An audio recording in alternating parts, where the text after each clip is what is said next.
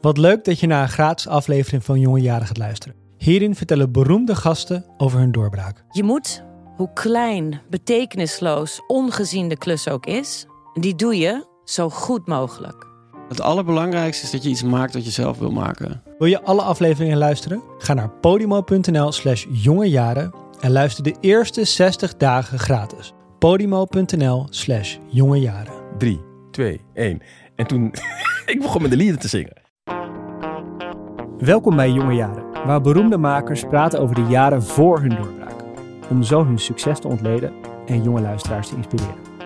Mijn naam is Ernst-Jan en in deze aflevering interview ik beeldend kunstenaar Sarah van Sonsbeek. Sarah's werk draait al bijna 15 jaar om stilte. Ze benadert dat thema op alle mogelijke manieren, technologisch, esthetisch. Zo maakte ze een tas waar je telefoon geen bereik in heeft, ontwierp ze een anti-drone tent en deed ze onderzoek op het stilste eiland ter wereld. Ik vind dat oeuvre van haar echt heel fascinerend. Zeker als je bedenkt dat Sarah in eerste instantie een heel ander carrièrepad koos. Ze was opgeleid als architect, maar daar gaf ze na krap een jaar werken alweer de brui aan en schreef zich vervolgens tegen de adviezen van haar ouders en van haar baas in voor de kunstacademie. En in die tijd dat ze bij de kunstacademie zat, had ze enorm luidruchtige buren. Die hadden bijvoorbeeld uh, goed maakt seks terwijl ze kaart U2 draaiden. En daardoor vond Sarah haar thema, stilte. In dit interview hoor je hoe dat verliep. Ik denk dat het heel leerzaam voor jonge kunstenaars kan zijn hoe Sarah met die negativiteit van haar omgeving omging. Ze vertelt in het gesprek hoe je zulke weerstand als motor kunt gebruiken. En claimt zelfs dat haar beste werken eigenlijk allemaal mislukt zijn. Je kunt het interview ook lezen op jongejaren.nl. Er staan daar ook ontzettend veel links naar haar kunstwerken. Maar voor nu heel veel plezier met het luisteren naar Sarah van Sonsbeek.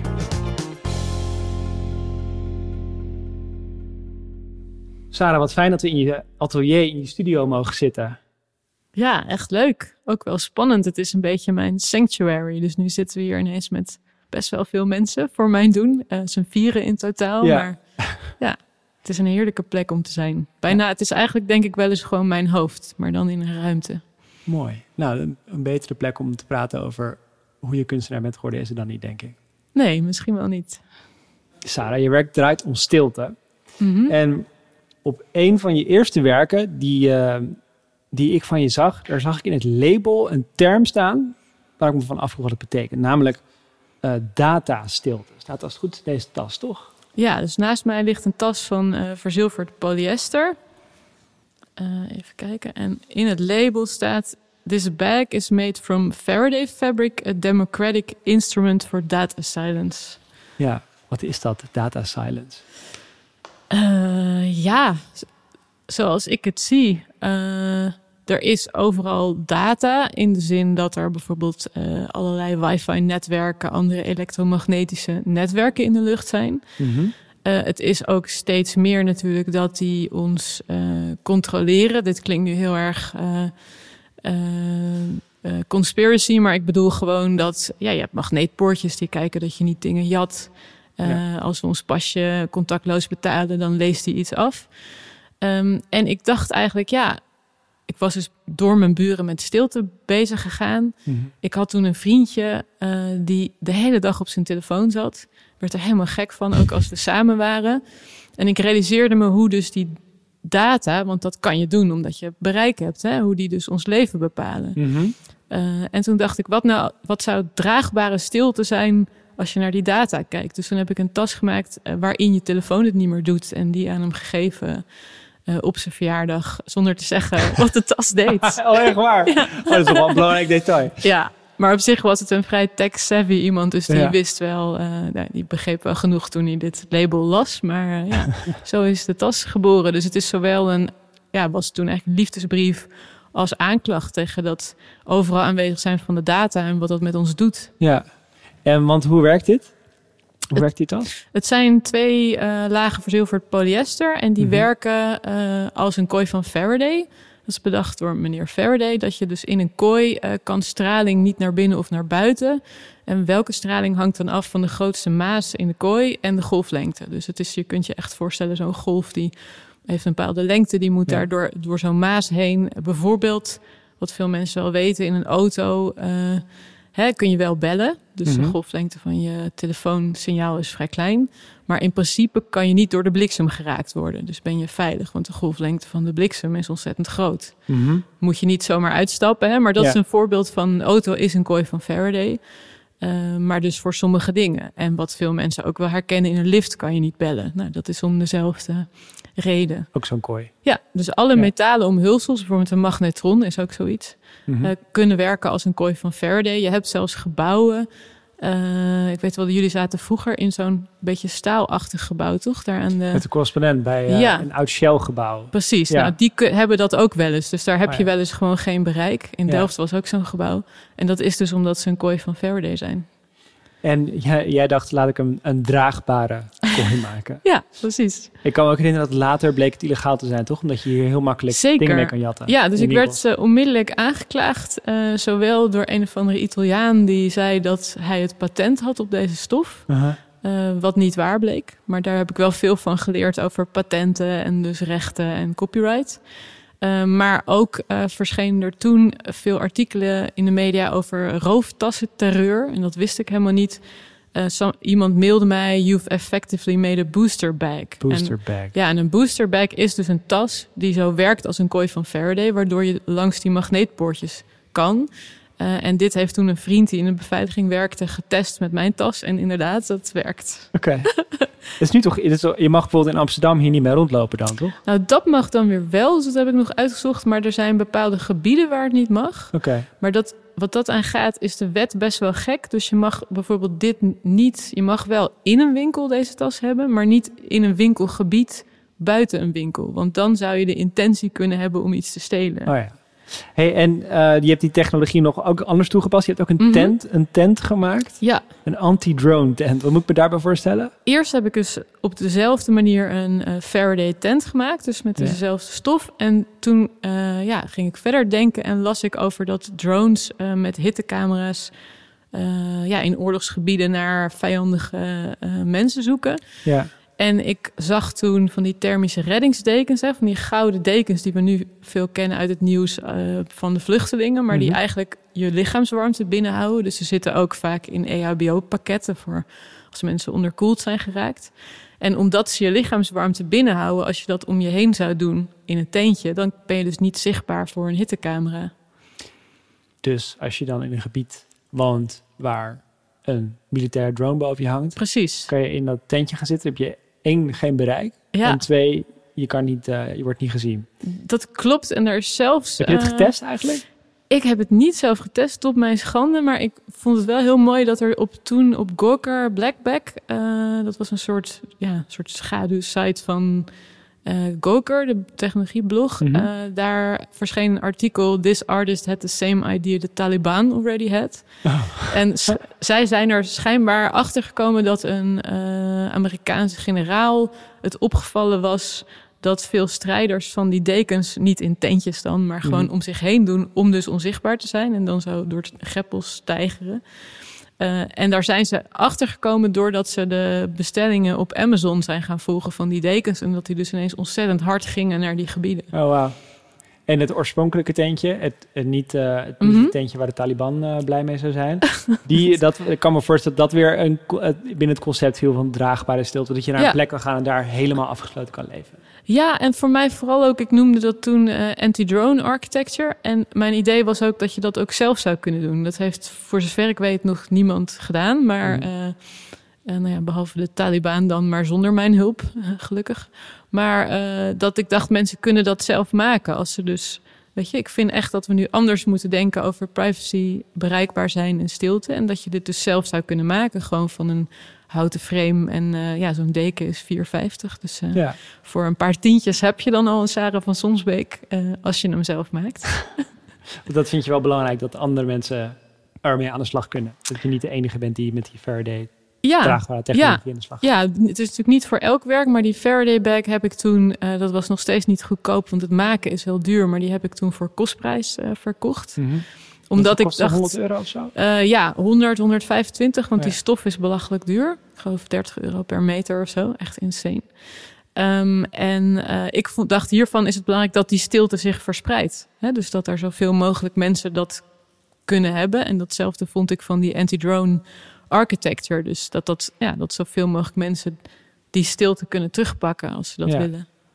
Laten we, laten we het eens hebben over hoe, hoe je op het pad bent gekomen van, van stilte en hoe je al die mhm. werken erover maakt. Er ligt daar een, uh, een pakketje. Zit daar een briefje in? Ja. Ja, het is ook nog eens een Nederlandse brief. Kijk aan. In het lijstje dat ik in de Rijksacademie ervoor gemaakt heb. Wat waren het Nederlandstalige buren? Ja, ja, dat weet ik, want ik heb uh, in tegenstelling tot wat veel mensen denken, heb ik ze eerst gewoon gebeld voor dit kunstwerk. Uh, nou ja, en dan zoals dat gaat, uh, met lood in de schoenen gezegd dat ik last van ze had. Hè? Dus dat is zo van, ja, sorry, het is heel gênant en ik schaam me een beetje, maar ik hoor jullie nou ja, in hun geval seksen, dat durfde ik geloof ik niet zeggen, maar ik hoor jullie soms zeggen dat. Want ze gingen vechten en daarna goed, heel heftige goedmaakseks hebben, heel toch? Goedmaakseks ja. en dan vechtfilms. Uh, dus oh. dat was best wel een intense. En uh, ik geloof ook dat ze heel veel U2 draaiden, waar ik niet direct fan van ben. Met van die gitaar uithalen, dat je dus net herkent welk nummer het is, maar het eigenlijk net niet hoort. Ja. Dus toen, uh, ja, dacht ik, misschien helpt het om te praten. En toen zei zij, ze luisterde heel lang, dat vond ik al heel, heel lief eigenlijk. En toen zei ze, ja, nee, je hebt wel gelijk. Dat, dat, dat verbaasde me. Ik dacht dat ze zou zeggen, nou ja, waar heb je het over? Mm ja, je hebt wel gelijk. We zijn best wel uh, extrovert. een mooi woord. Uh, maar we hebben recht op een leuk leven. En toen dacht ik, ja, dat is gewoon ook zo. Dat, dat heb ik ook, maar zij ook. Ja. En dat vond ik eigenlijk filosofisch zo'n uh, kloppend argument. En toen realiseerde ik me pas, ja, ik heb dat, zij heeft dat, maar die rechten zijn dus eigenlijk niet verenigbaar. En dat was een soort leugen uh, of ja, totale blinde vlek die ik nooit in Delft uh, bij bouwkunde had geleerd. Mm -hmm. dat er dus zoiets als burengeluid is als je een huis ontwerpt. En dat dat totaal bepaalt hoe je dat huis ervaart. Veel meer dan de vierkante meters of of een muur recht of rond is. Hè? Ja. Um, maar ja, iedereen die in een huis woont en buren heeft, die weet het wel. Dus toen ging je uitrekenen welke gedeeltes van je huis niet door, hen door hun geluid bereikt werd. Ja, of eigenlijk waar ik het allemaal kon horen. En toen kwam ik eruit uh, op uit dat het 80% zij innamen in mijn huis met hun geluid. Dus toen mhm. heb ik ze nou, dat briefje geschreven, wat ik hier uitpak. Uh, daar staat beste bovenburen. Na berekening kom ik erop uit dat jullie 80% van mijn woning innemen met jullie geluid. Graag zou ik jullie willen vragen ook het overeenkomstige deel van de huur te voldoen. Nou, en dan is er een sommetje en dan eindig ik met alvast bedankt. ja, hier is hij, de brief. De brief ter brieven. Oh ja, helemaal mooi ingelijst nu met een houten lijst. Ja. En toen je dit briefje schreef, dacht je toen al: dit is kunst wat ik aan het maken ben? Of leek je dit toch oprecht gewoon een goed idee van zo kunnen we uit deze buren, komen? Uh, nee, het was totale wanhoop. Ik zat, uh, dus ik had de TU Delft bouwkunde gedaan, was als architect gaan werken, maar in de avonduren mijn grote droom gaan volgen om kunstenaar te worden. Ik moest afstuderen, maar dat mocht niet, want ze wilden dat ik iets met architectuur zou doen. Ik wilde dat helemaal niet. En ik had die vreselijke buren en in een vlaag van ja, woede, verstandsverbijstering schreef ik ze die brief. En ik weet nog dat ik dat liet zien uh, aan mijn docent, die dus nou ja, best wel kritisch was en had gezegd: Sarah, sorry, maar zo, zo wordt het hem niet. Ja. Uh, ja, en dat ze heel hard begon te lachen. En dat ik echt dacht: fuck, is het nou goed of, goed of slecht? Weet je, als iemand lacht, is het dan een goed werk of vindt ze het belachelijk? Ja. Uh, maar ze zei: ja, meer van dit. dit is het, zo doorgaan. Dus, maar, want... ja. Hoe kwam je erbij om dit mee te nemen dan? Want was, die, was het wanhoop om de herrie of was het wanhoop om ik moet iets verzinnen voor, voor school? Allebei en het loste eigenlijk allebei op. Dat was zo gek. Dus ik had tot dan toe denk ik eigenlijk echt geen idee dat dit kunst zou kunnen zijn. Ik nam het mee omdat ik niks anders had en dacht nou... Uh, ja, als ik dan maar iets met de architectuur moet doen, uh, dit is mijn huis, dus dat is architectuur. Nou ja, dan, dan moet dit het maar zijn. Ja. En pas later, ook door die docenten, ben ik gaan lezen over bijvoorbeeld Bruce Nauman, een Amerikaanse kunstenaar die heel veel werk heeft gemaakt van heel gewone handelingen die hij in de studio deed. Uh, hij is dan een uur aan het koffie drinken of drie uur aan het viool spelen. Dus hij vergroot dat soort dingen uit.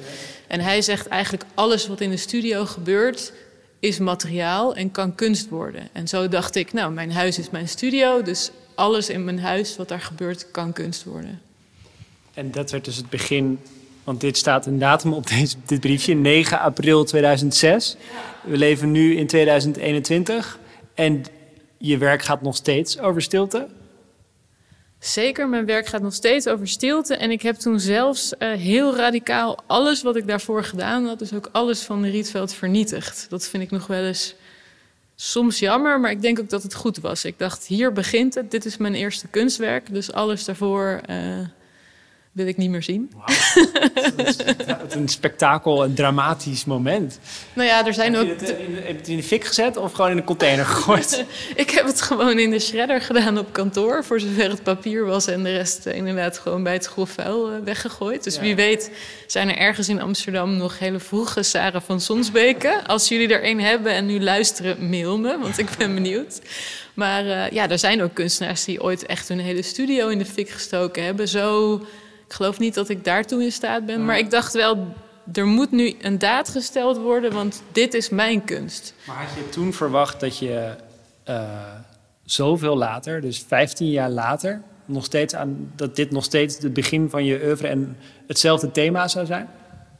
Nee, nee, ik had absoluut niet gedacht dat ik uh, de rest van nou ja, mijn artistieke leven nog met stilte bezig zou zijn.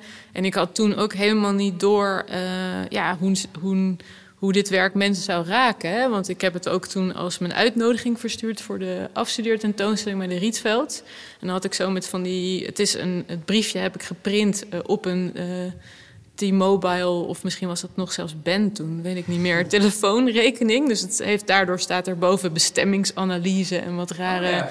gegevens. Maar dat is dus omdat het een rekening was. Uh, en dus in diezelfde kleine lettertjes had ik dan: dit is een uitnodiging. En heel veel mensen die belden me dus verschrikt van... ik zei, heb je mijn uitnodiging? En zeiden ze, nee, maar je gelooft nooit... wat die vreselijke buren me nu hebben gestuurd. Echt waar? Echt waar. Maar dat zegt dus ook wel heel veel over uh, hoe je iets te pakken had... waar heel veel mensen dus mee bezig zijn met burengerucht... en hun beleving van de, de, de, de lawaai dat ze zelf veroorzaken. Ja. Want zij dachten van dat ze de, de beschuldigde partij waren. Precies. Ja. En, en, zij, en het bleek dus ten eerste dat bijna iedereen die ik kende vreselijke buren had. Of in ieder geval dat ze iets hadden met bepaalde buren. Maar ook uh, dat ik had dat nooit door, dat dus kunst... Je hebt natuurlijk allerlei soorten kunst, maar dat, laten we zeggen, de kunst die ik zou kunnen maken... dus zowel iets heeft als je het ziet, maar ook een verhaal heeft. Of een, iets wat heel persoonlijk is, wat daar omheen zweeft. En dat is eigenlijk altijd gebleven. Dat dus hetgeen je ziet en het verhaal eigenlijk even belangrijk is. Ja, mooi. Je zei net al dat je, dat je hint al naar een andere carrière die je voor je, voor je, voor je kunst, uh, kunstenaarperiode had. Of, en dat is dat je architect was. Sterker nog, je bent afgestudeerd architect aan de TU Delft, werkte bij een bureau. En op je 25e dacht je, nee, dit is het niet. Hoe is dat in, hoe is dat in godsnaam gegaan? Ja, eigenlijk toen ik pff, uh, 16 was, 17, wist ik helemaal niet wat ik wilde worden. Mhm. Mm -hmm. Ik tekende al wel heel mijn leven, uh, maar deed dat ja, voor uitnodigingen, voor cadeautjes, voor de leuk achteraf denk ik, hé, hey, ik knutselde eigenlijk altijd wel alles wat iedereen nodig had. Dat moest ik dan altijd maken, maar dat, ja, dat denk ik dan nu. Ja, maar geen bouwtekeningen dus? Dat is gewoon... Nog geen bouwtekeningen, nee, okay. nee gewoon uh, een beetje stripachtige tekeningen. Doe ik overigens nog steeds. Mhm. Weten niet veel mensen, geef ik nu alleen aan vrienden als cadeau. Heb ik nooit voor mijn kunst gebruikt. Het is een beetje mijn dagboek. Okay. Maar goed, ik, deed, uh, ik wist het niet. En mijn ouders zeiden, doe een beroepskeuzetest. Dat deed ik. Daar kwam uit plastisch chirurg of architect. ik had wel heel voorzichtig een keer de kunstacademie laten vallen. Maar mijn Ja. ouders zeiden, ja, no way. Dat is gewoon, daar kun je helemaal geen droogbrood mee verdienen. Dat, dat, moet je, dat mag je niet doen. Oh, wauw. Uh, Oké. Je hebt wel een goed vakkenpakket met wiskunde A en B. Ga nou gewoon daar iets, iets mee doen. Een goed beroep leren. Mhm. Dus toen ben ik een dagje mee gaan lopen met een arts uh, en met een architect. En toen dacht ik, nou ja, als ik arts word, kan ik nooit meer iets ernaast doen. Je had het plastisch chirurg had je iets breder opgevat. Je dacht, ik knoop een een arts mee? Een arts, ja, dat was toen een kinderarts, want dat fascineerde me wel. Maar eigenlijk had ik, eh, denk ik, dan eh plastisch chirurg voor handen willen worden. Want dat vind ik nog steeds zo'n mooi deel van het lichaam. Ja. En dan voor brandwonden, hè, mensen die dat gebruik van de handen verliezen, dat leek me gewoon fantastisch. Je hebt er wel echt serieus over nagedacht. na Ja, natuurlijk. Ja, leuk. Heel goed. Maar goed, ik werd architect, want ik dacht eigenlijk een beetje, nou dan kan ik ook nog wel erbij tekenen, zonder daar heel goed over na te denken. Mhm. De studie vond ik echt ontzettend leuk in Delft. Ik heb veel filosofievakken erbij gedaan. Met name over Wittgenstein heb ik ook een scriptie geschreven. Mhm. Eh, hè, een taalfilosoof. Eh, die En na... wat interesseerde je daar zo aan? Ja, eigenlijk het verhaal weer van de man. Ehm, eh, net als verhalen nog steeds eigenlijk in mijn werk belangrijk zijn. Hij heeft namelijk maar heel weinig boeken geschreven. Op het begin van zijn leven de Tractatus, Logico Philosophicus, waarin hij één ja, visie heeft op hoe betekenis ontstaat en hoe dat aan taal gekoppeld is. Toen is hij min of meer in een klooster gaan werken als tuinman, bijna zijn hele leven. Mhm. En helemaal op het eind van zijn leven heeft hij de filosofische onderzoekingen eh, geschreven, die zou je kunnen zeggen diametraal een andere visie hebben op hoe, begrip, eh, hoe begrippen ontstaan en wat taal is. Eigenlijk zegt hij daarin, het ligt helemaal niet vast, het is totaal fluïde. Hè, iets wat ook heel erg in deze tijd past, denk ik, en ik Mhm. nu weer steeds zie. Ja. Eh, dus begrippen veranderen voortdurend, betekenissen veranderen voortdurend met hoe wij ze gebruiken. En zelfs de essentie van het leren is eigenlijk eh, dat kinderen hun ouders kopiëren. En als je kopieert, doe je iets na, maar verandert er ook iets. Dus de essentie van begrippen is eh, het veranderlijke. Mhm. Ja, dat fascineerde me. Hoe kan je nou als één persoon eh, compleet van mening veranderen? Ja. En eh, dus even plat gezegd, als ik het niet goed zeg, moet je het zeggen. Maar je Mhm. vond je architectuuropleiding heel erg leuk om dat, door om de filosofische vakken die je erbij kon doen. Ja, ja, ja, ja. En ik weet ook nog dat ik bij die docent Riepke Sierksma binnenkwam en zei ik wil graag op Wittgenstein afstuderen. Zei hij, oh oké. Nou, eh, ja, je zou er nu niet meer mee wegkomen. Maar het eerste wat hij zei, oké, dan spreken we twee dingen af. Je gaat geen hoger cijfer krijgen omdat je een vrouw bent. Ik zei, nou top. Eh, want dat was precies wat ik wilde. Ik Hmm. wilde graag serieus genomen worden. nu zou je dit niet meer mogen zeggen als docent. En het tweede was dat hij zei: Je moet deze vraag wel echt goed beantwoorden. Wat heeft Wittgenstein met architectuur te maken? Ja, en ik Ja, die flapte- vraag wilde ik je net ja, stellen, Dat dacht maar ik al. Dat dacht ik. En hij flapte eruit. Ik flapte eruit eh, niets. En toen zei hij: Dat was het goede antwoord. Nu mag je bij me afstuderen. Oh, wauw. maar heb je toen nooit gedacht van, ehm, had, ik, had ik niet gewoon filosofie moeten gaan studeren? Toen wel, maar nu niet. Als ik, ik heb wel wat vrienden die filosoof zijn. En joh, je moet wel eh, architect en kunstenaar is al erg. Maar als filosoof moet je wel heel bevlogen zijn om dat vol te houden. Er is zoveel concurrentie. Eh, nee, ik, ik weet ook niet of ik daar het geduld voor zou hebben. Want vooral Wittgenstein vind ik interessant. Maar het is echt niet zo dat ik alle Mhm. filosofen zo daar, eh, ja, daar zo eh, enthousiast over ben. Of Ja. daar iets mee kan. Oké.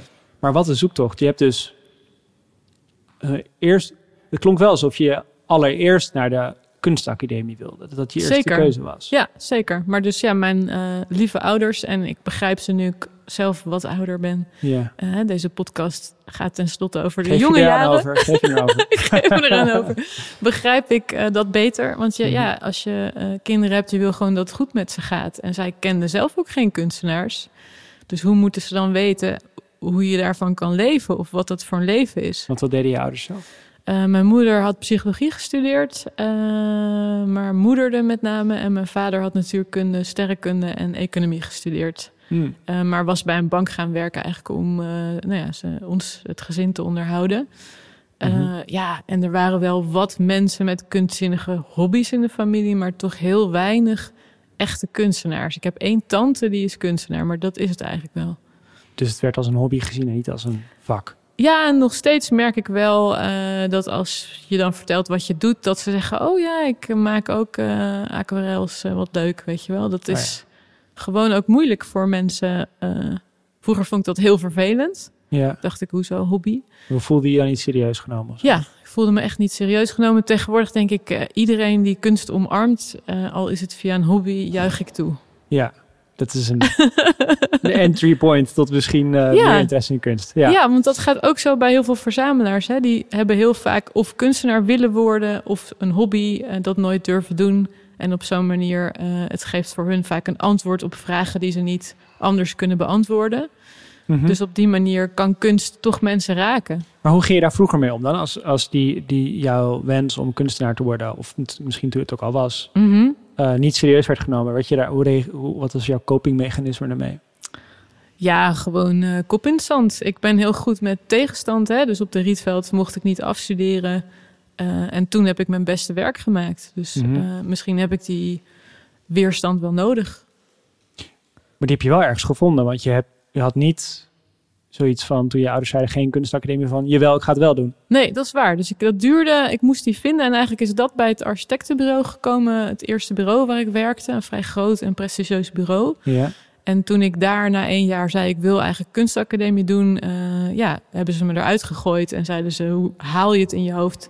Kunstenaar, je bent toch al architect? Want het klonk, klinkt wel alsof je, het, alsof je lekker bezig was als architect. Dat je afstudeert, meteen bij een groot bureau terechtkomt. Ik was heel slecht. Nee, de studie Oh. kon ik goed, maar ik was in de praktijk echt niet goed. Oké. Eh, want al dat vergaderen, joh, en eh, al die bewonerscommissies. Ik moest een gemeentewerf ontwerpen. Nou, ik werd helemaal gek. Nee, ik was geen goede eh, architect. En dat stapelde zich allemaal op gedurende dat jaar, die frustratie, tot je dacht, ik Ja. wil Ja, naar de, alsnog naar de kunstacademie. ja, en ik weet ook nog dat ik eh, bij dat bureau waren ze echt vrij hard. Dus ik kreeg op een gegeven moment een tekening terug en er stond met een marker kut op.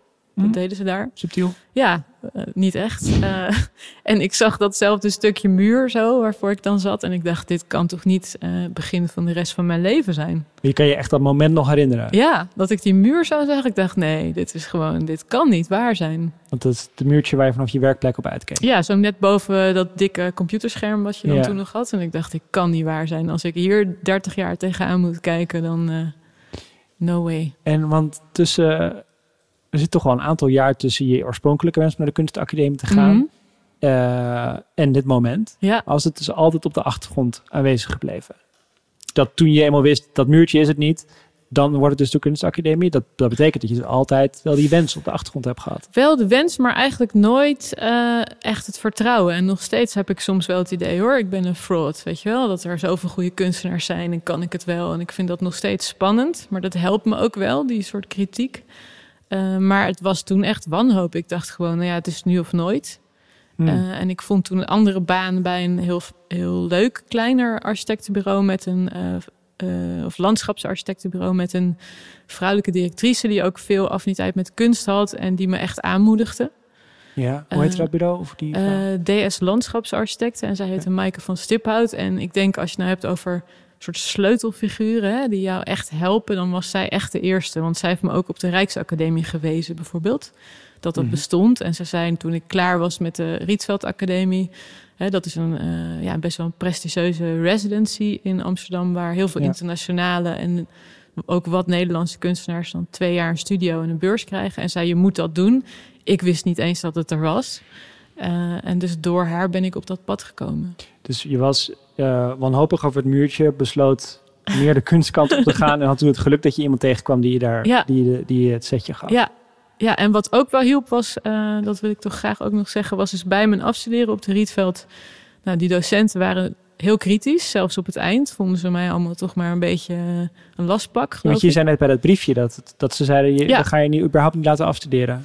Nee, dus eh, voor het briefje niet. En met het briefje was het nou misschien, als je meer maakt. Hè, Mhm. Dit gaat de goede kant op. Maar nog steeds was ik wel een beetje die omhooggevallen lastpak voor ze, denk ik.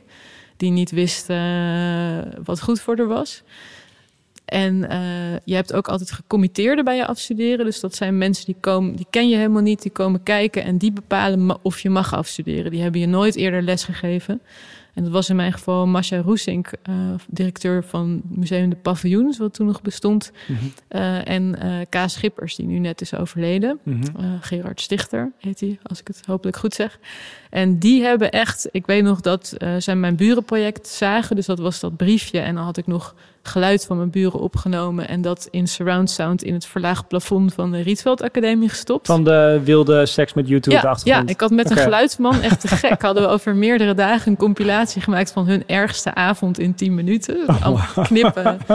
Dus jouw lieve geluidsman moet veel gaan knippen en plakken. Maar deze voor mij, eh, die heeft ook heel veel zitten knippen en plakken.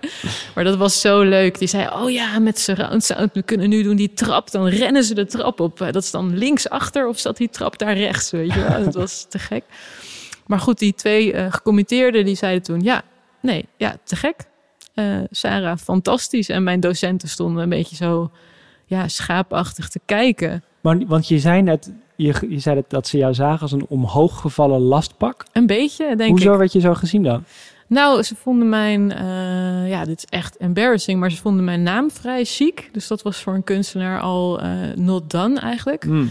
En dat ik dan uh, zoiets hoogs, wat ze zeiden, gestudeerd had. Ja, ik snap nog steeds niet wat ze daarmee bedoelen. Bedoelen ze dan dat het moeilijk is? Nou ja, zo moeilijk is bouwkunde niet.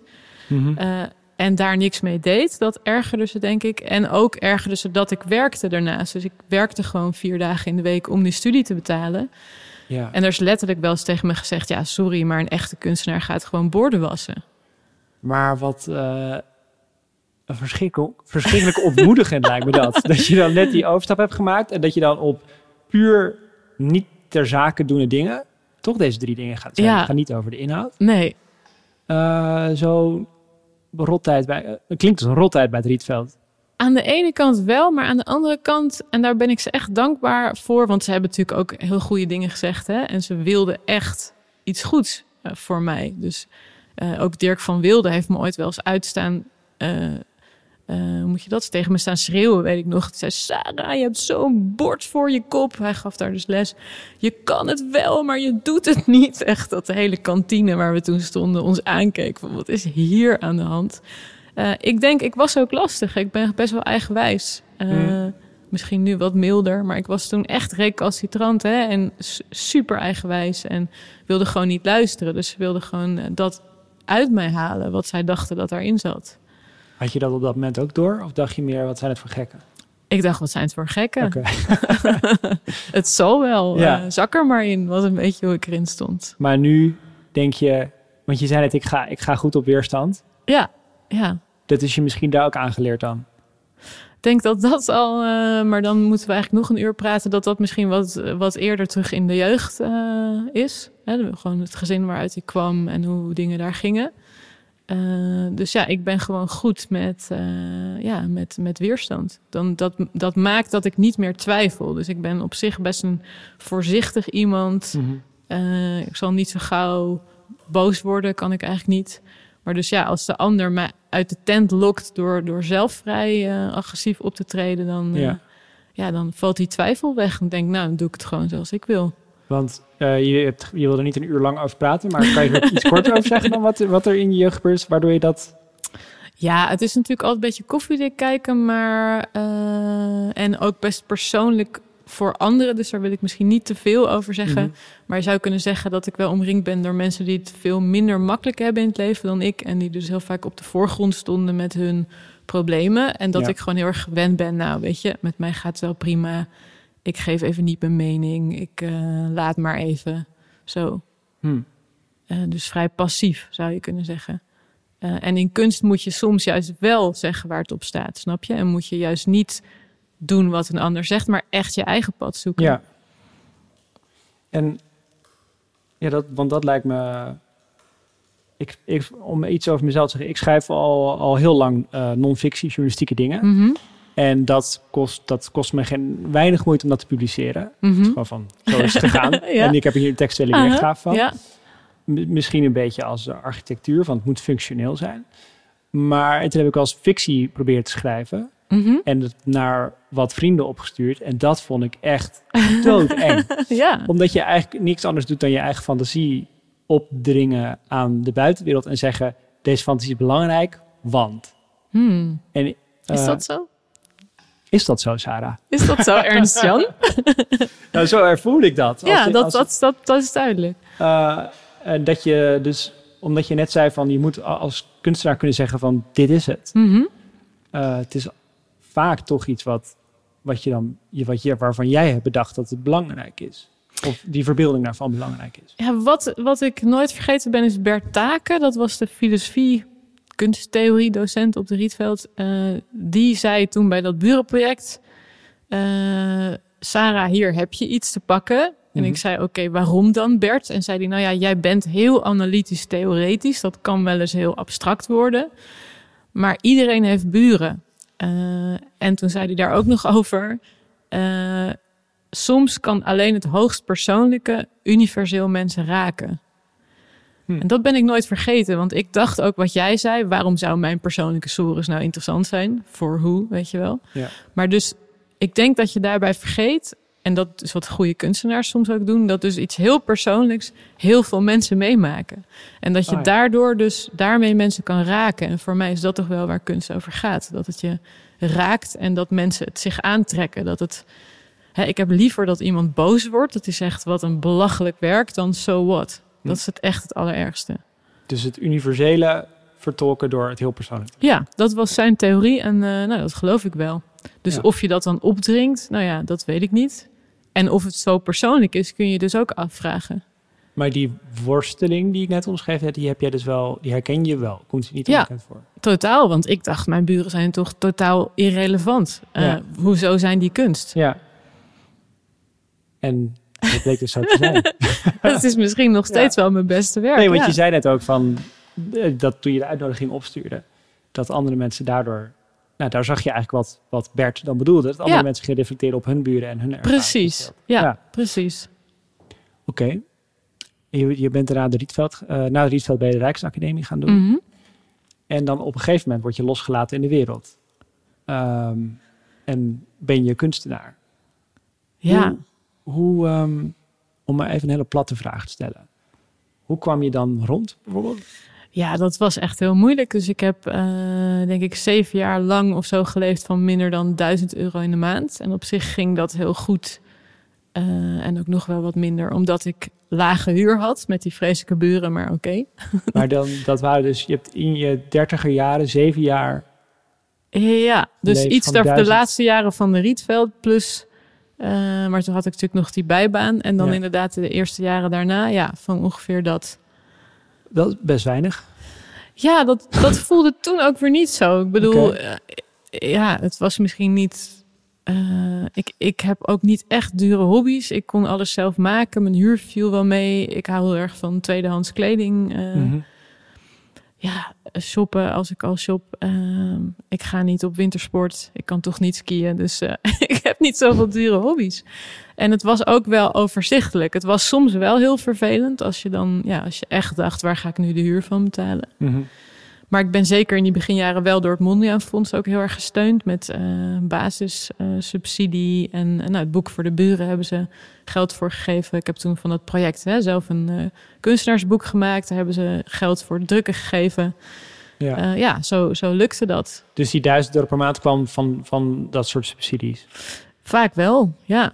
Want ik had weinig andere inkomsten. Ik deed wel eh, af en toe layout klussen voor mensen erbij. eh, en ik gaf ook wel eens praatjes over mijn werk. Dat heb ik altijd heel leuk gevonden. En dat was best wel een dankbare manier om eh, geld bij te verdienen. En als je dan zo'n heel. Dit lijkt me een moment dat, dat lastig is voor veel mensen die als een opleiding klaar is en de eerste dag van een nieuw leven begint. Hoe bepaalde je dan van aan dit werk ga ik beginnen? Die kunst, je kunst dan bedoel ik. Ja, nou dat bepaalde ik helemaal niet. Die eerste jaren was ik ook heel inefficiënt, denk ik. Dan zat ik gewoon soms ook een hele dag eh, ja, maar te denken en dan kwam er helemaal niks. Mhm. En dat vond ik ook heel moeilijk. Eh, eigenlijk was een soort doorbraak toen ik in, eh, dus echt al veel later, hè, want 2008 en 2009 was ik op de Rijks en toen 2012 ehm, kreeg ik een residency via N. Goldstein in München-Gladbach. Nou, dat is ongeveer de allerstilste, meest eenzame dorp in Duitsland, net Ja. over de grens bij Venlo. En dan zat ik een half jaar lang in een heel vochtig appartementje wat uitkeek op een parkeerplaats. Dat was ook vrij eh, somber. Maar daar is bijvoorbeeld de Faraday bag, de Faraday tent, het eerste werk met goud, eh, acoustic paintings. Ik had van eh, oordopjes, had ik soort zero kunstachtige schilderijen gemaakt. Allemaal daar ontstaan. Hmm. Dus dat is achteraf zo'n eh, productieve tijd geweest. Ik heb wel nog een jaar een soort hoesje gehad van dat vocht daar. Eh, en mijn relatie ging ook uit eh, nou ja, met deze jongen aan wie de tas toen gewijd was. Dus het was een moeilijke tijd. Hij bleef te veel op zijn telefoon zitten. Ja, ik weet het niet. Ik denk dat we gewoon niet eh, voor elkaar eh, waren. Dat Kwam het niet gewoon, omdat eh, je alleen maar met de kunst bezig was bijvoorbeeld? Nee, telefoon, nee zeker kunst. niet. Want hij is toen ook later... Hij wilde in de kunst en hij is ook in de kunst gegaan. Nee, ik denk dat we gewoon echt niet bij elkaar pasten. Dat kan in het leven. Ja, nee, ik was even op zoek naar offers voor de kunst. Maar Oh. dat is er niet één van. Nee, nee, Nee. dat is er niet Oké. één van. Nee, maar dus ja, financieel. En, maar toen, en toen ontstond ook samenwerking met mijn galerie, Annette Schelling Galerie. En de eerste jaren was dat ook helemaal niet uh, per se dat het inkomen genereerde. Maar de, nou, dat is wel waardoor ik de laatste jaren het echt veel ruimer heb. En wat is er dan aan die residentie op een vrij afzichtelijke plek? Ik bedoel, je was voor een muurtje gevlucht en je kreeg er een parkeerplaats voor terug. Ja. Wat was daar dan dat je toch, um, dat toch zo productief werd? ik zit nu te denken, het was eigenlijk was die residentie één grote Faraday tent, want er was ook geen internet. Hmm. Uh, er was gewoon helemaal niks om me af te leiden. En mobiel internet was nog niet echt een ding. Nee, dat was geloof ik nog niet echt een ding. Uh, en ja, ik zat daar dus echt helemaal in mijn eentje. Uh, er kwam ook niemand me eigenlijk opzoeken, want het, was, het is best wel ver weg en onhandig. Uh, ja, dus ik had gewoon alle tijd en een hele grote studio. En ik weet nog dat het begon toen ik dus op die parkeerplaats uitkeek, een beetje somber. Zo'n grijze dag. En toen viel het me op dat er allemaal grijze auto's stonden. En toen ben ik een fotoserie begonnen, Color Code Parking. Waarbij ik bijhield wanneer de auto's overeenkwamen, de kleur met het kleur van het weer. En ja. zo kwam het eerste werk. En toen, ja, toen ging het helemaal los. En wat ik me, wat ik me af zit te vragen, in die want wat markeerde dat het einde van die zeven jaar? Ja, een beetje wel. Voorzichtig gaan. Maar dat ging niet zo van de ene op de andere dag dat ik ineens uh, veel meer geld te besteden had. En nog ja. steeds, ik heb het wel eens opgezocht. Ik geloof dat ik uh, onder het secretaresse niveau zit. Maar goed, het is toch al heel. Uh, nu nog? Of? Ja, volgens mij wel. vaak. het zweeft een beetje. Maar dan nog, ja, weet je, nu heb ik echt niks wat ik. Er is niks wat ik zou willen dat ik niet heb. Het is gewoon. En in die zeven jaar dat je dus uh, weinig geld had en mm -hmm. klinkt ook als nog weinig er erkenning voor je ja. werk. Heb je toen wel eens gedacht, ik, uh, ik gooi het beltje daarbij neer? Mm, nee. Nee, eigenlijk niet. Ik weet wel dat ik heel erg moest lachen, want ik had toen op zich wel best veel erkenning, maar dus helemaal geen geld. Mm -hmm. Dat ik wel heel erg moest lachen. Dat is mijn moeder, die nog steeds dat allemaal wel moeilijk vond. Dat ik toen op een gegeven moment in de Elegance of zo'n soort tijdschrift stond. En dat zij zei, wauw, Sarah, nou nu weet ik zeker dat het goed met je gaat. Oké, okay. toch een vak. ja, en dat, dat vond ik echt ook bizar. Maar ik dacht, oké, okay, ze willen gewoon alleen maar weten dat het goed met je gaat. Dat is het eigenlijk.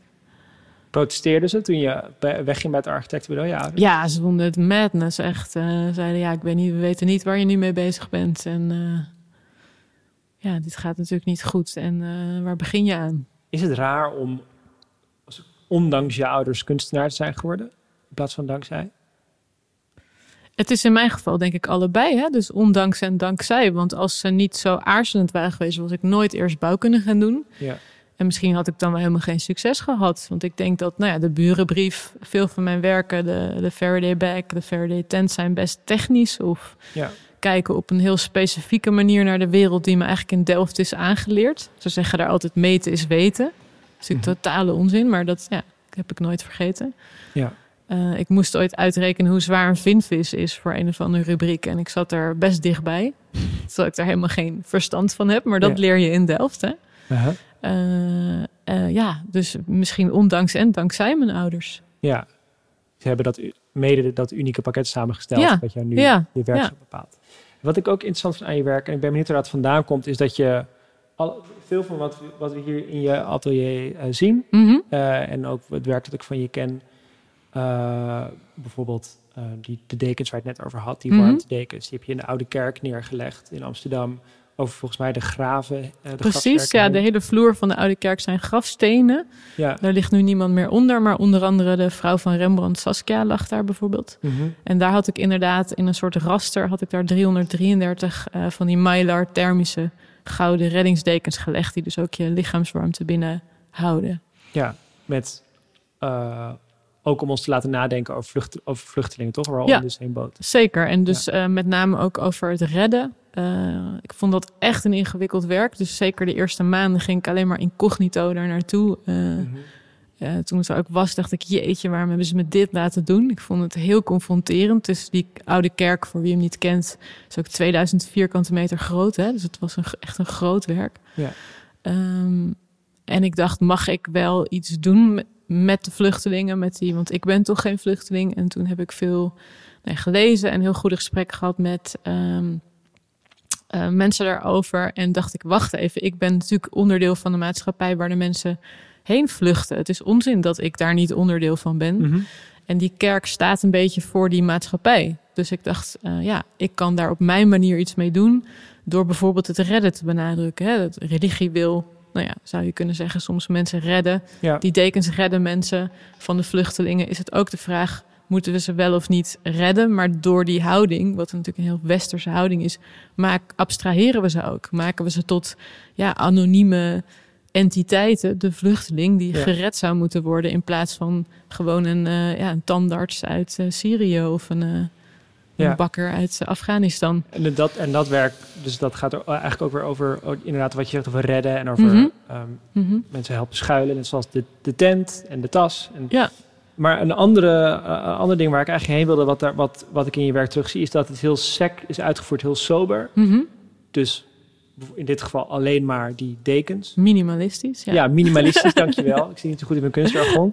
Graag maar maar, maar het, heeft wel, het spreekt wel heel erg door de materialen die je gebruikt. Mhm. Dus de, maar daar gaat heel veel controle van uit, ja. van dat werk. Van heel veel van je werk. Maar tegelijkertijd wordt jouw werk ook vernield, ondergepist. en dat kan je vervelend vinden als kunstenaar, maar jij omarmt het. ja. Want je hebt bijvoorbeeld, je hebt een keer een kunstwerk gemaakt, een 1 kubieke meter aan stilte. Mhm. Voor, voor een ehm, museum, de paviljoenstof. Precies, dat museum van die Masha Roesink. hè? Ja, dat helaas Niet, meer, niet meer bestaat. Nee. Maar dat werk werd buiten tentoongesteld. Mhm. En eh, als ik het goed begrepen heb, was je daar, vond je dat aan niet zo goed werken.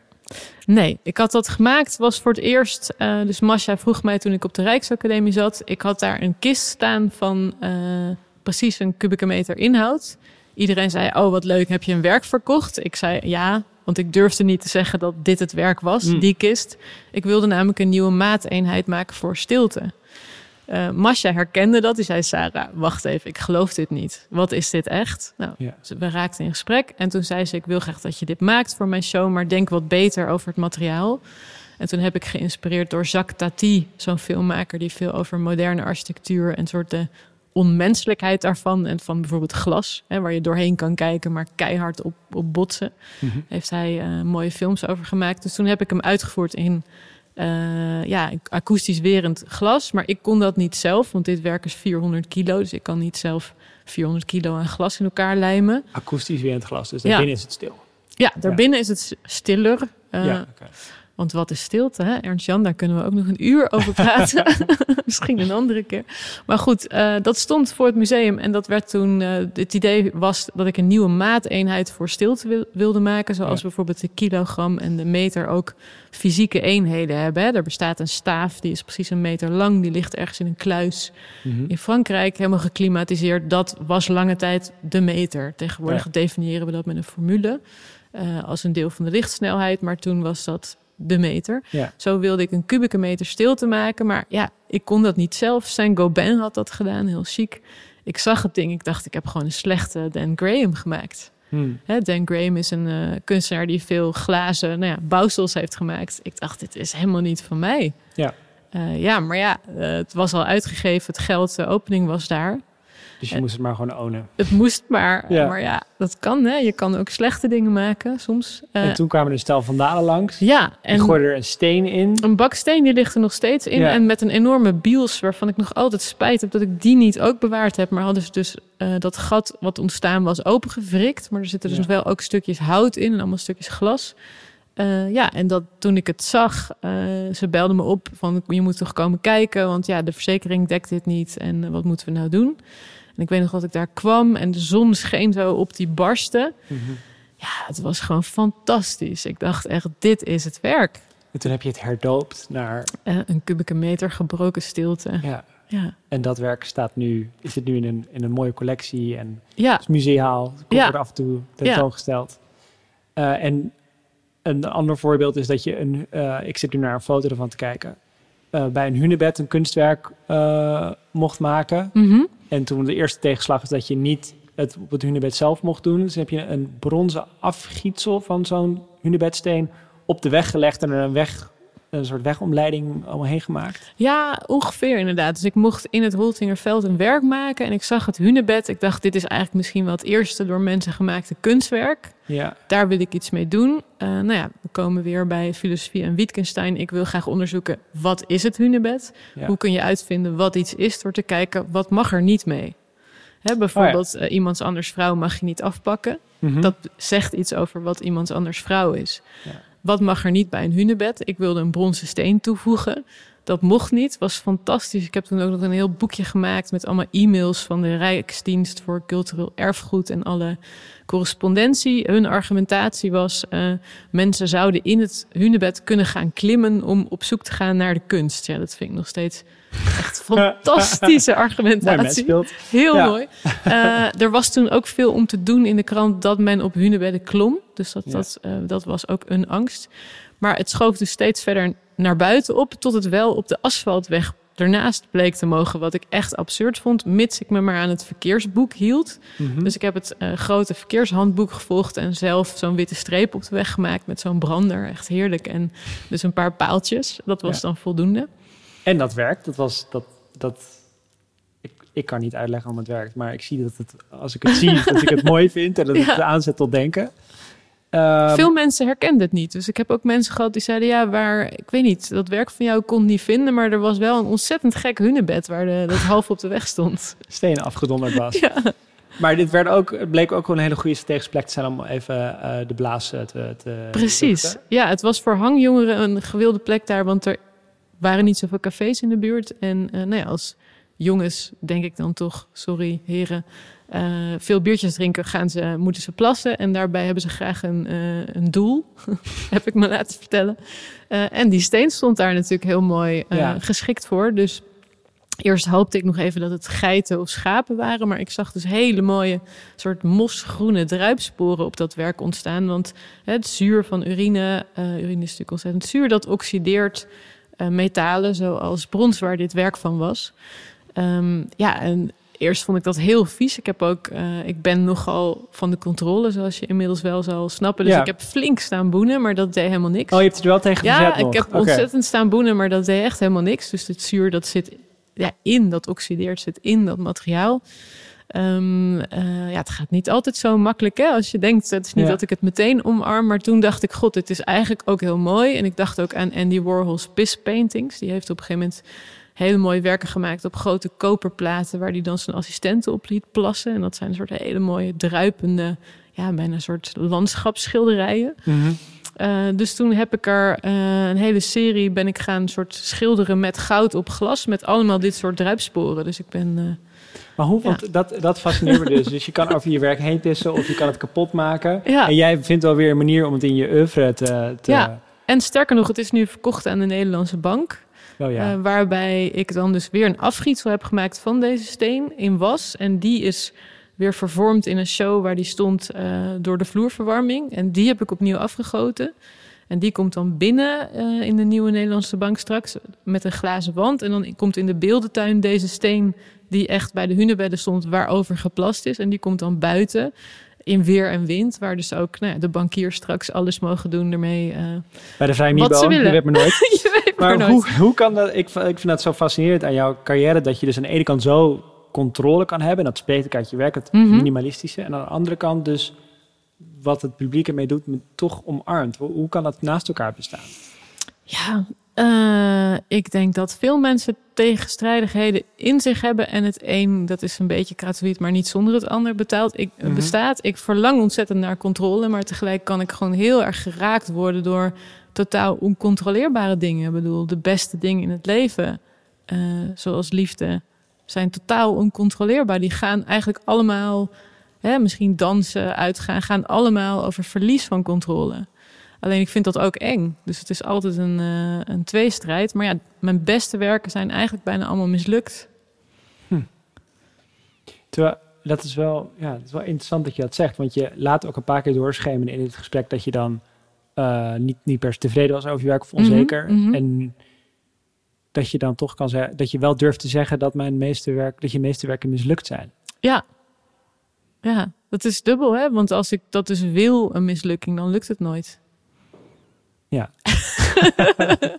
Misschien is dat ook wel weer wat we eerder, hè, die wijsheid van Bert Taken, eh, dat het alleen het hoogst persoonlijke universeel kan worden. Dat geldt natuurlijk ook voor mislukkingen. Je hebt al zo'n beroemd eh, eh, Russisch credo, moet je maar straks even opzoeken uit welk boek. Maar dus ieder gelukkig zi- gezin is gelukkig op dezelfde manier en ieder ongelukkig gezin is ongelukkig op geheel eigen wijze. Ja, dat is de eerste zin van Anne Karenina van Tolstoy. Precies. Ja. Dat was hem. En dus dat, dat is denk ik waar. En dus dat hele persoonlijke aan mislukkingen, dat herkennen we allemaal. Dus daar Mhm. zit ook die dubbelheid in, denk ik. Is het, maar je kan, ook, je kan ook zeggen het is een beschermingsmechanisme. Want als je altijd, als je altijd gewoon alle tegenslag omarmt Ja. en zegt het is mislukt, maar, maar daardoor goed, dan Zeker. zit je er nooit naast. Ja, zeker. Dat is eh, ontzettend waar. Eh, bijvoorbeeld Maurizio Cattelan, een kunstenaar die ik fantastisch vind, die zegt dat ook. Dat hij, ik bedoel, hij doet dat wel nog veel absurder, maar die laat dingen expres eh, mislukken. Hij zegt: If I fail in plain sight, Mhm. what is the worst that can happen? Dus hij, laat, hij doet bij voorbaat belachelijke dingen. Dat is zijn strategie. En tegelijkertijd is hij een, als, ik ken hem zelfs, een van de beroemde kunstenaars ter wereld. Een toch? van de meest beroemde en ook, eh, hij heeft ook, ook hij heeft wel slechte dingen gemaakt, maar ook Ja. een van de beste kunstenaars ter wereld. Ja, en wanneer heb je ooit gedacht van eh, nu, nu heb ik het, nu ben ik, nu ben ik kunstenaar? Nee, nee, ik denk nog steeds vaak ben ik het wel. Ik vind het ook heel eh, awkward als mensen dat zeggen. Eh, jij bent toch kunstenaar? Of, of hoe is dat nou, kunstenaar zijn? Ik, ja, ik, nee, weet ik veel. dus als je op een verjaardag aan je wordt gevraagd wat doe je, dus dan Ja. zeg, je, zeg je dan wel Eh, of hoe creëer jij nou? Dat vind ik echt het allerergste. Ehm, vraag me dat dus nooit als je me ooit tegenkomt. Dankjewel. waarom is dat zo erg? Lieve luisteraar. Ja, weet ik veel. Het is gewoon Je doet maar wat. Nou ja, dat kan het ook niet zijn, maar het is in ieder geval niet dus dat ik het helemaal weet. Het is voor mij ook heel ongrijpbaar en dat maakt het ook eng. Hè? Ik mag nu, ehm, ben nu met een paar nieuwe grote opdrachten bezig en dat is dan best wel spannend. Dan moet je dus echt met iets komen. Maar het is niet dat ik kan zeggen 1 plus 1 is 2. Of het ook niet dat ik voor een marathon train en dan een beetje kan zien dat mijn rondetijden in de buurt komen en dat ik het wel ga redden. Ik bedoel, Ja. ik weet het niet. Nee, je hebt geen meetbaar vak in die zin. Nee, en Maar ook geen garantie dat het lukt. Maar dat je je dan zelf, jezelf, dat je het dan ongemakkelijk vindt om je, ondanks dat, terwijl je dus, ongeveer in elk museum in Nederland eh, is je werk opgenomen. Het MoMA in New York heeft, Mm. je heeft werk van je aangekocht. Je hebt alle, alle prestigieuze scholen afgelopen en dat je dan zelf nog steeds geen kunstenaar durft, wil noemen of durft te noemen. Welke van de twee is het? Het is misschien ook omdat het voor mij zoveel als een beroep klinkt, terwijl ik het nooit als beroep heb gezien. Omdat je ouders zeiden dat het geen beroep was. Ja, misschien. Misschien heb je wel gelijk, is het dat gewoon. Maar ik denk het is gewoon wie ik ben en eigenlijk wie ik altijd al was. Kunstenaar zijn. Het is een, het is een, ja, een staat van zijn. Het is, het is gewoon wie ik ben, hoe ik naar de wereld kijk. Dus je wilt niet reduceren tot je beroep. Nee, dat, het is veel meer dan dat. Want anders zou het niet vol te houden zijn. Klinkt ook alsof je redelijk vergroeid bent met je werk. Totaal. Heb je identiteit, identiteit naast je werk? Nou, goede vraag. Ik, ik heb moeite gedaan de afgelopen jaren om in ieder geval hobby's te hebben. Dat vond ik al heel ingewikkeld. Want net zei ja, want net zei ik teken, maar Ja. toen zei, de, de, de zin erna was, maar dat is niet voor, voor het Nee. niet onderdeel van mijn kunst. Nou, daar staat bijvoorbeeld een tekeningetje van een hond die een stok precies in tweeën bijt. En dat was wel een mooi moment, want dat heb ik getekend op Tristan da Cunha, het meest ver afgelegen bewoonde eiland ter wereld. Mhm. Waar ik heen ging zonder plan.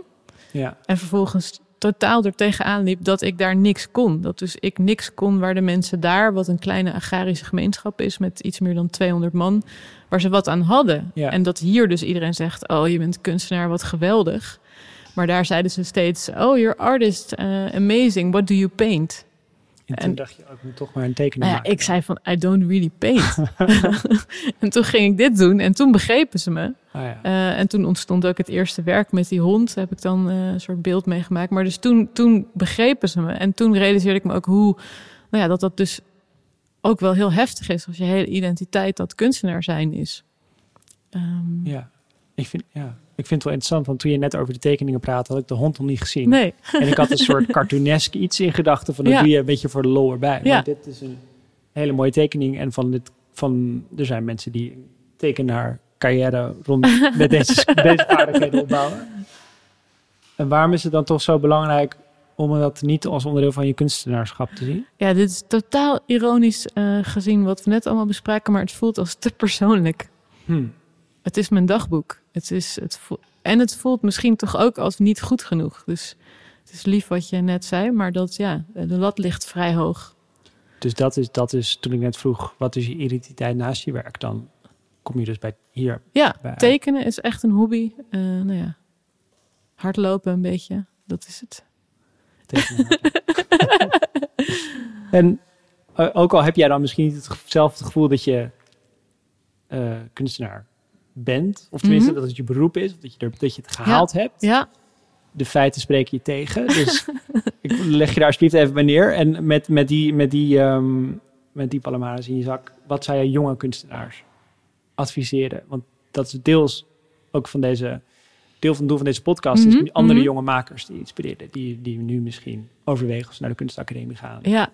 Ja, het is heel erg. Het klinkt natuurlijk een beetje eh, zo oma vertelt. Maar eh, ja, doe toch overweeg als je nu echt 17 bent en je denkt ik wil kunstenaar worden. Overweeg eerst een paar jaar iets anders te doen. Eh, ik, ik vond het toen vreselijk en ik geloofde het niet. Maar ik denk dat dat mij heel erg geholpen heeft. Het heeft gemaakt dat ik een ja, heel specifieke stijl heb. Specifiek Mhm. soort werk maak.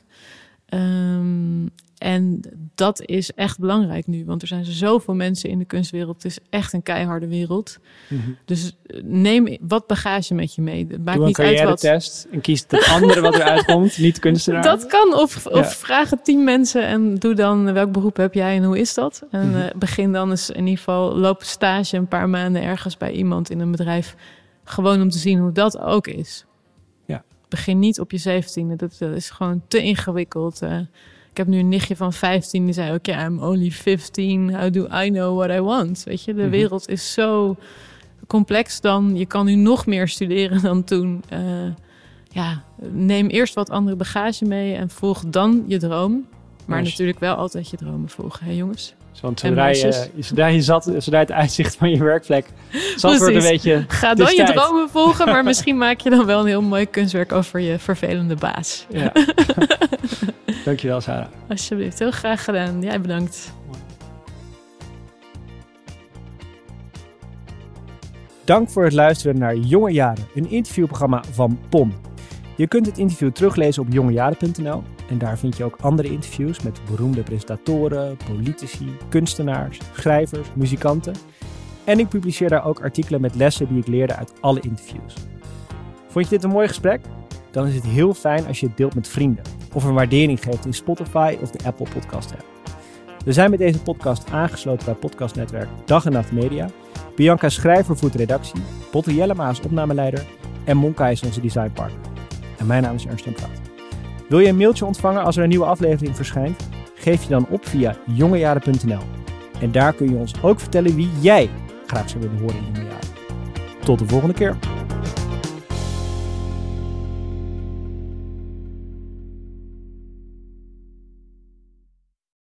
Wil je meer afleveringen van Jonge Jaren horen? Ik heb nog tientallen andere interviews met inspirerende makers opgenomen. Ga naar podimo.nl slash jongejaren en luister 60 dagen gratis. Mis het niet en laat je inspireren om je eigen pad naar succes te vinden.